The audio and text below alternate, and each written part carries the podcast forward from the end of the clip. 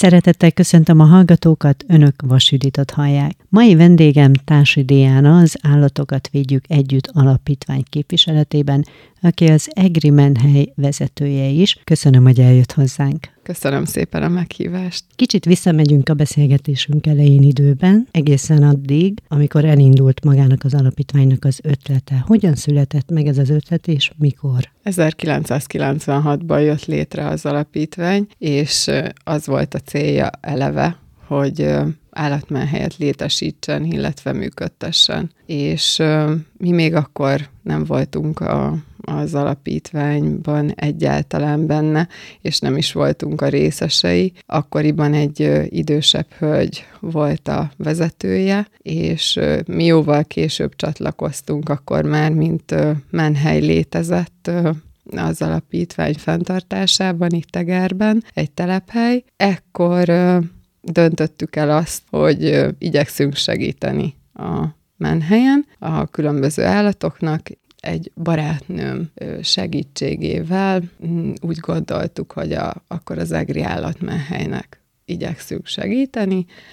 Elmentünk az idős hölgyhöz, a segítőkezünket nyújtottuk, mégpedig elsőkben annak kapcsán, hogy egy örökbefogadó napot létrehoznánk. Ez volt az első motiváció, hogy akkor minél többnek próbáljunk felelősségteljes otthonokat találni. Utána pedig történt az, hogy egyfajta költözésre volt szükség, mert olyan kis területen volt az állatmáj, tehát nem volt egészen 500 négyzetméter és 128 állat volt azon a területen, hogy, hogy szükségesé vált az, hogy valóban egy megfelelő nagyságú területen élhessék tovább az életüket. Rengeteget tanultunk mi is a felelős állattartásról, azt, hogy a jó gazda, az kicsoda, mire van szükség. Nem elég az, hogy valaki jó gazdának látszik, vagy megfelelően válaszol a kérdéseinkre, de muszáj, hogy egy környezettanulmányjal egybekössük azt, hogy egyáltalán az örökbefogadás létrejöhessen. Szóval azért megvannak azok a, azok a folyamatok, amik bennünk is lezajlottak itt az elmúlt 10 év során, hogy, hogy azt tudjuk mondani most már kiforrottan, adunk állatot örökbe jó néhány éve. Nyilván korábban is örökbefogadási szerződéssel történtek az örökbeadások, de az egyértelműen elengedhetetlen, hogy kiszálljunk az örökbefogadás előtt az örökbefogadó jelölthöz, és egy környezettanulmány keretén belül megnézzük az ő életkörülményeit, amennyiben kinti vagy kinti benti lenne az állat, akkor a kerítésnek a minősége, az, hogy miből készült az a kerítés, az, hogy mekkora az a kerítés, nagyon-nagyon sokat számít, mert mi nem azért gondoskodunk ezekről a ki tudja, hogy honnan, milyen borzasztó körülmények közül mentett állatokról, hogy aztán elvisszük egy idegen, számára idegen helyre, és mondjuk már holnapra meglépjen. Tehát nem is tudnánk elszámolni a lelki ismeretünkkel, hogyha ez történne. Az új helyen mekkora területen és mennyi állatról tudnak gondoskodni? 4400 négyzetméterre. Ó, hát az jóval kellemesebb. Igen, hát imádnak futkározni azok, akik ki vannak engedve a mely területére, mert nyilván az egész napnak megvan a maga protokollja, tehát ez nem úgy történik, hogy akkor kiengedünk mindenkit egyszerre, és boldogan futkározik, keresztbe kasul az összes állat. Nem könnyű. Tehát itt is egyfajta szoktatási tesztekről van szó, mielőtt állatokat összeengedünk, összeteszünk, és hiába 4400 négyzetméter, azért úgy kell elképzelni, hogy megvan bizonyos kenelszám határozva, hogy egyszerre kik tudnak melyik kenelből kijönni, és mennyi időt tudnak kint tölteni. Vannak olyan állatok, akik egyáltalán nem alkalmasak a, a kint rohangálásra, mert beszaladnak a kenelek közé, így ők sétáltatva vannak, tehát napi szinten le vannak sétáltatva, ami az ő kis mozgásigényüket kielégíti, de hát ezek is különböző tesztek útján lesznek a számunkra világosak. Elég összetett dologról van szó. Talán azért ezt el lehet képzelni, azóta is csodálkozunk rajta, amikor visszatérünk oda, hogy úristen, itt ennyi állattal nem is értjük, hogy hogy tudott a menhely létezni. 2016. augusztus 1-én Pát vittük a 128 kutyát. Az nagyon-nagyon kemény volt, és hát azért elég stresszes volt mindegyikük, de tudtam, mert mindegyiket nyugtattuk, meg minket ismertek, hogy ez lesz már az új otthonatok, és hogy ez higgyétek el, hogy milyen szuper lesz, és már este olyan jó kilenc óra lehetett, és síri csend volt. Leültünk a melhely tetején, és hallgattuk a csendet, hogy azt a, hogy itt vagyunk, és hogy majd milyen jól fogják érezni magukat az állatok, az állatok ezen a helyen. És így is van. És így is van. És az olyan, olyan jó érzés. Szóval azért ezek a mérföldkövek, hogy, hogy akkor ez történt, az történt. Jelenleg 204 állatunk van.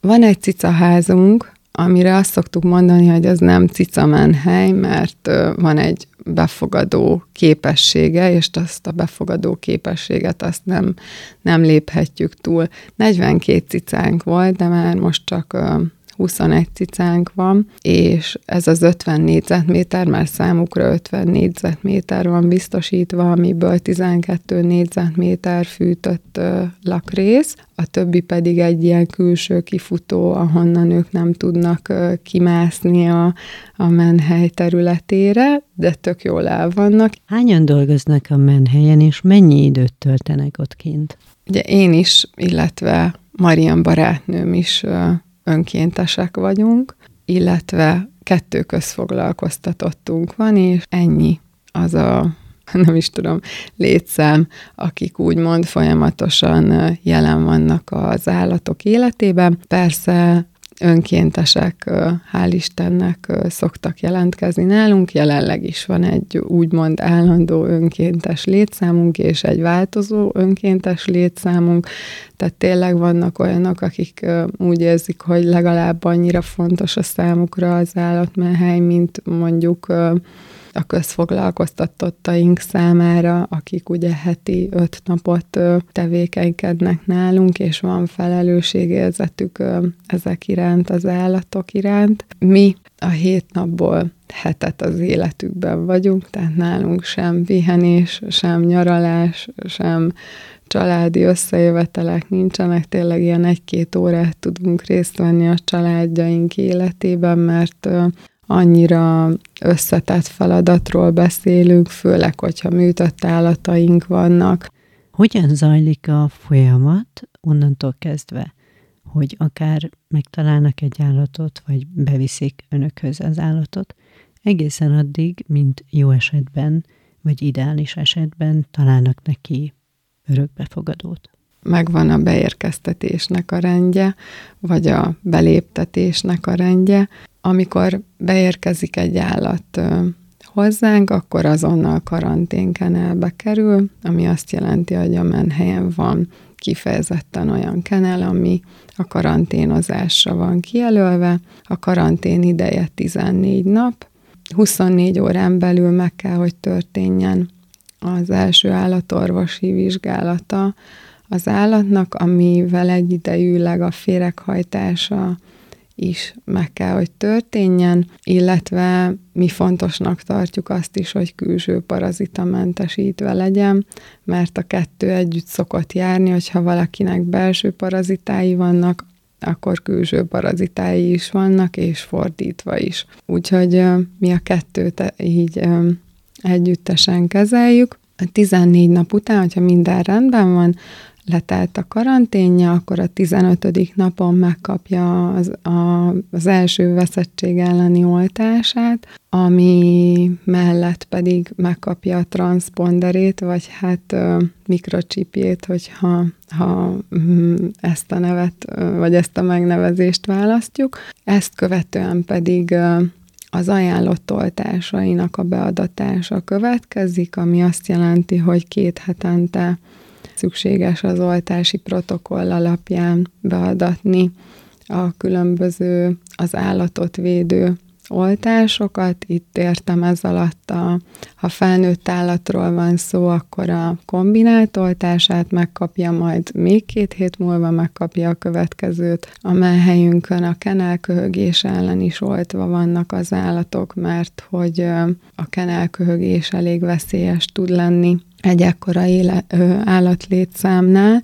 futótűzként terjedhetne, de ezt ö, mi úgy gondoltuk, hogy ö, inkább megelőzzük, mert ö, egyébként is egy olyan betegségről van szó, ami nagyon-nagyon ö, diszkomfortos ö, az állatnak, amennyiben elkapja, és ö, nagyon komoly negatív következményei lehetnek, így nálunk nincs is kenelköhögés. Nyilván a veszettség elleni oltás azért kötelező, mert az az embert védi, és az állatot is védi, de az ajánlott oltások, azok csak az állatokat védik alapvetően, de hát mi szeretjük őket, és azt szeretnénk, hogy ők egészségesek legyenek, ezért megkapják azokat az oltásokat, amik védelmet biztosítanak a számukra a különböző halálos megbetegedések ellen, és ezt követően pedig az ivartalanítás, ami még nagyon-nagyon fontos, hogy megtörténjen,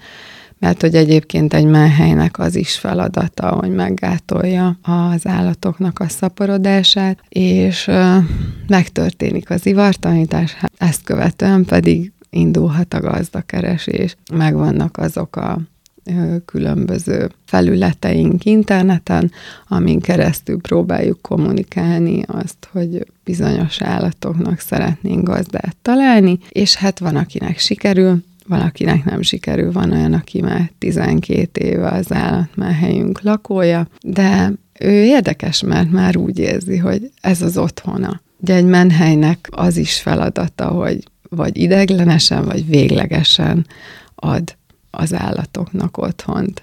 Miből tudják fedezni a menhelynek a kiadásait? Alapvetően adományokból és adó egy százalékból ö, tartjuk fenn az állatmáhelyet, vagy működtetjük az állatmáhelyet. Azt is ö, érdemes tudni, hogy van egy alapköltsége egy állatmáhely működtetésének, ami azt jelenti, hogy nekünk az éves szemétszállítási költségünk 2 millió forint. Hát sajnálatos módon, de nem tudunk mit tenni ellene, mert uh, nyilván a hulladékkezelés is uh, uh, nagyon fontos, és ezzel kapcsolatosan is megvannak a különböző jogszabályok, amiknek meg kell felelni. Ezen kívül a vízköltségünk mondjuk durván olyan 500 ezer és 1 millió forint között mozog éves szinten. A villamos energiafogyasztásunk, ami most nagyon komolyan megnövekedett, mert egyébként is ipari áramot használunk, mert hogy nem magánszemélyként van a menhely nyilvántartva, hanem ugye az állatokat védjük együtt alapítvány működtetésében, és az állatokat védjük együtt alapítvány,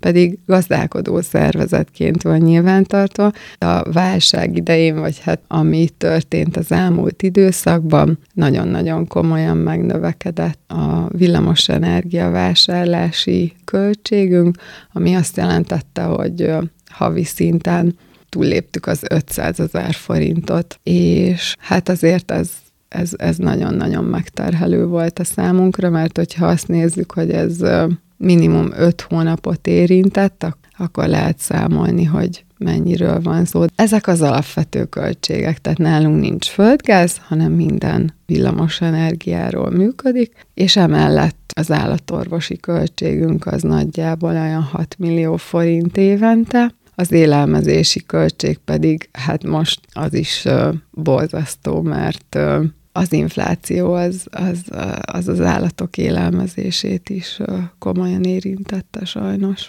Egy melhelyen mindig van mit reparálni, vagy bővíteni, vagy megújítani, és most jelenleg négy ilyen célunk van, amit idén szeretnénk megvalósítani, mégpedig az, hogy a kenelyeinknek egy része nem, nem az állataink miatt, meg nem miattunk, hanem a gyártó igazat adott a Kenel gyártó cég abból a szempontból nekünk, hogy, hogy valamiféle technológiai probléma lépett föl a, a kennel elemeknek a gyártásánál, és uh, gyakorlatilag fél éven belül komoly amortizáció ment végbe, pedig horganyzott acélkenelekről beszélünk, és most uh, teljesen őszinte leszek, a kenel állományunknak legalább a 70%-át le kell cserélni és ez nem kevés pénzbe fog kerülni. Mm, én megkockáztatom, hogy olyan 8 millió forintot biztos, hogy fog kóstálni, de lehet, hogy tizet is.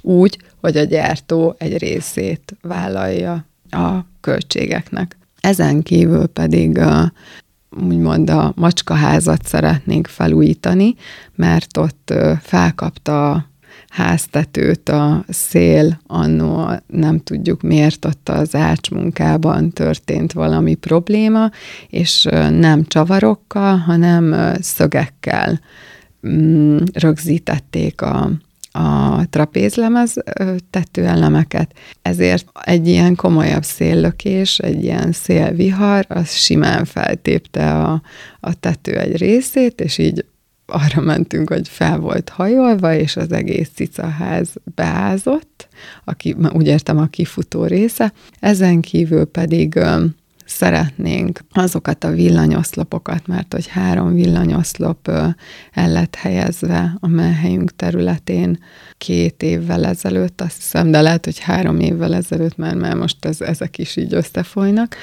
azokat szeretnénk kitámasztatni, ami nyilván megint csak nem egy ilyen könnyed munka lesz, mert ott komoly talajmunkára lesz szükség, be kell mérnie majd a, annak a cégnek, hogy akkor hány fokos dőlészögben és honnan, milyen anyagból fogja kitámasztani ezeket a, az oszlopokat.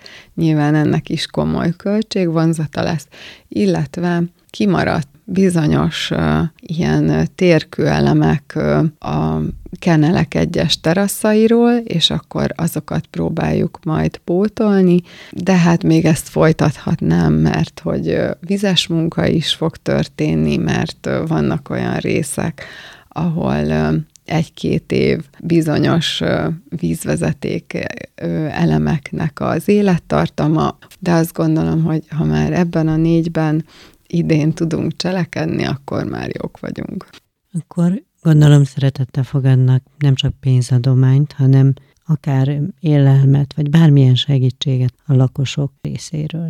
Beszéljünk még a kitett állatokról, mert gondolom ilyennel is sok esetben találkoznak, akár önök, akár pedig lakossági bejelentés nyomán.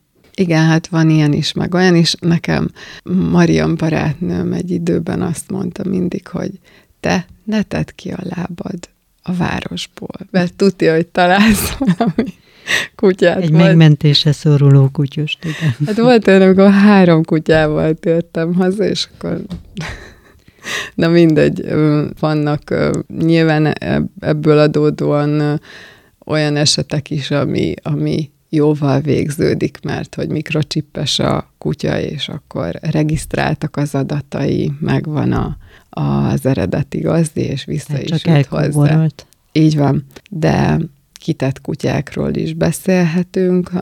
Jellemzően a kölyök kutyákról beszélnék. Ebben a kérdéskörben itt is van egy nagyon emlékezetes eset. Egy forgalmas út mellett látott egy buszon utazó hölgy egy teljes ládát, de le volt fedve a teljes láda, és neki olyan gyanúsnak tűnt, hogy miért, miért van ott egy ilyen furán lefedett teljes láda. Betelefonált hozzánk, és kérte a segítségünket. Ki is mentünk, és ö, teljesen megdöbbentünk rajta, hogy a teljes láda nem, hogy ö, szimplán le volt ö, zárva, hanem a teteje az még dróttal is rá volt ö, erősítve, hogy nehogy az öt kölyök kutya ki tudjon jönni abból a teljes ládából, ami azt jelenti, hogy ha nem történik bejelentés velük kapcsolatban, vagy nem találja meg valaki őket, ők konkrétan abban, az, abban a ládában leheték volna a halálukat. Itt öt kölyök kutyáról beszélek, teljesen sokkosak voltak, úgy emeltük ki őket egyesével, és mindegyik őket meg kellett vigasztalni. Aztán hál' Istennek az ötből már azóta négy gazdára talált, és nagyon boldog életet él. Az ötödik is alapvetően boldog életet él, de még nálunk. Hogyan tudnak segíteni, hogy a lelki sérülések gyógyuljanak az állatoknál? Mi azt tapasztaltuk, hogy ha gazdától érkezik be a menhelyünkre egy kutya, akkor őt viseli meg legjobban itt. Nyilván olyan gazdáról beszélek, ahol viszonylag normális körülmények között volt tartva, nem láncon, nem éheztetve, tehát, hogy tényleg egy átlagos családi életből érkezik a kutya. Hát ez borzasztó megélnünk. De nyilván a kutyának a legrosszabb, naphosszat sír, de keservesen. Folyik a nyála, hetekig, annyira stresszes, hogy csontsoványra fogy, pedig egy normál állapotban lévő, tehát egy normál húsban lévő kutyáról beszéltünk az elején.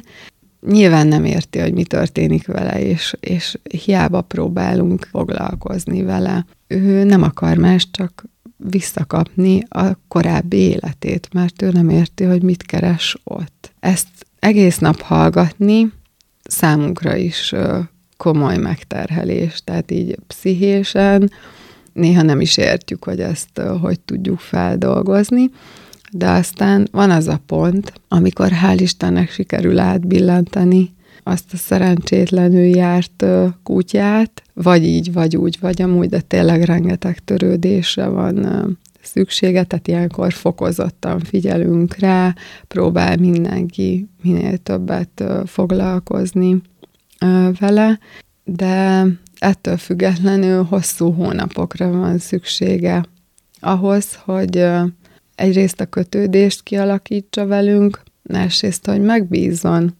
újra egy emberben, vagy több emberben, mert hogy ő nagyon komolyan csalódott. Hát még, bocsánat, még, még most is meghatódok, mert számos ilyen esettel találkoztunk, és hiába szoktuk elmondani a, azoknak a gazdáknak, akik így vagy úgy, vagy amúgy öm, ezt a döntést hozzák, és így akarnak megszabadulni a, a kutyájuktól, hogy ez fog a kutyával történni, egyáltalán nem foglalkoznak azzal, hogy az állat mit fog átélni. Az, hogy mennyire megviseli azt az állatot, ez az állapot, azt, azt nagyon nehéz feldolgozni. Úgy, mint a lelki sérülést okozásnak, sajnos a fizikai sérülést okozásnak is vannak gazdája, lehet ezt mondani.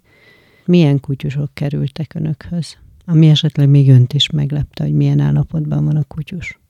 Nagyon gyakori az, hogy a lánc bele van nőve a nyakába, de elég mélyen. Tehát ez mindenképpen egy alapvető probléma.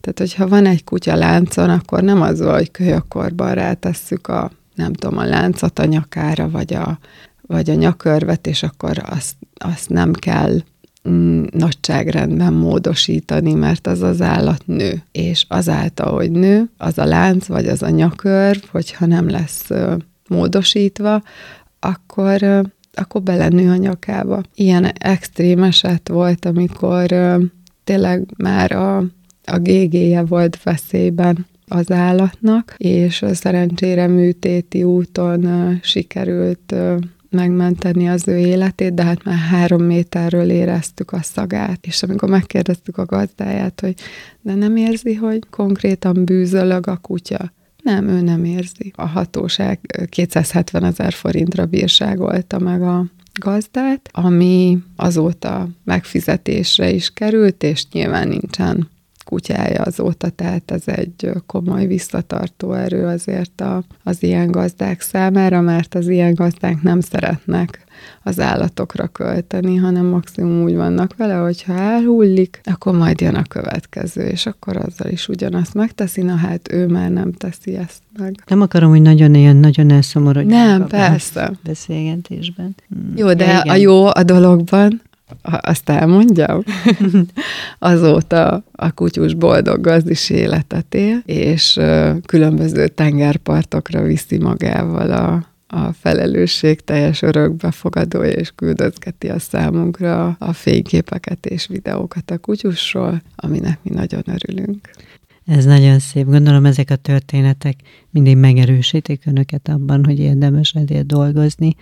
Valamivel én legalábbis úgy tudom, hogy kicsit lelkileg, érzelmileg többet adnak ezek a kutyusok, akik már helyen élnek. Ez tényleg így van? Igen, nekem volt ilyen is, olyan is. Most már csak olyan van, ami azt jelenti, hogy csak mentett kutyusom van. Nagyon komoly különbség van. Tehát a, a vásárolt kutyusnál én azt érzékeltem, hogy neki természetes minden. Hogy mindent megkap, hisztizhet, ha valami nem úgy történik, ahogy ő gondolja, míg egy mentett állat, különösen ha felnőttként lett mentve, nagyon rossz helyről érkező állatok kapcsán egyszerűen a hála, tehát hogy ő nem győzi megköszönni azt, hogy ő, ő nem abban a sanyarú sorsban van, amit megtapasztalt, hanem el se hiszi, hogy ő, ő egy kiegyensúlyozott, nyugodt, szeretetteljes, gondoskodó életet élhet napi rutinnal, a kis kialakult aranyos dolgaival, és az a hála az mindig ott van a tekintetükben. Elképesztő, de tényleg elképesztő. Én ezt minden nap megtapasztalom. Egyébként is mi a menhelyes állatokat is a magunkénak tudjuk, és az ő szemükben is ugyanúgy ott van ez a, ez a hála, ami igazából nem kell, hogy hála legyen felénk, de ők így mutatják ki, mert hogy valójában mi köszönjük meg azt, hogy ismerhetjük őket, mert elképesztő érzelmi intelligenciával rendelkeznek. Erre a lelkesedése és kitartása egy nagyon jó visszacsatolás volt, hogy Egercsillag a díjat kaptak. Hát én emlékszem a telefonra, hogy amikor megkérdezték, hogy elfogadjuk a jelölést, és hát hirtelen azt se tudtam, hogy, hogy erre mit mondjak, mert annyira jó érzés volt, és annyira meglepő. Megdöbben váltunk előtte, hogy, hogy mi nyertük ezt a díjat, és, és emlékszem, amikor ki kellett menni a pulpitusra, és átvenni a díjat, hát én még el is sírtam magam, mert, mert tudom, hogy mennyi energiánk, lelkesedésünk, egyáltalán életünk van ebben az egészben benne, és hogy igazából nem is mi érdemeljük ezt, hanem, hanem azok az állatok, akik, velünk vannak, és akik minden nap megmutatják nekünk azt, hogy ezért érdemes csinálni. Én kívánok Önöknek mindenhez kitartást, még több támogatót, és még több jó lelkű gazdit. Köszönöm, hogy eljött hozzánk. Köszönöm szépen én is. Kedves hallgatóink, köszönöm Önöknek a figyelmet, viszont hallásra!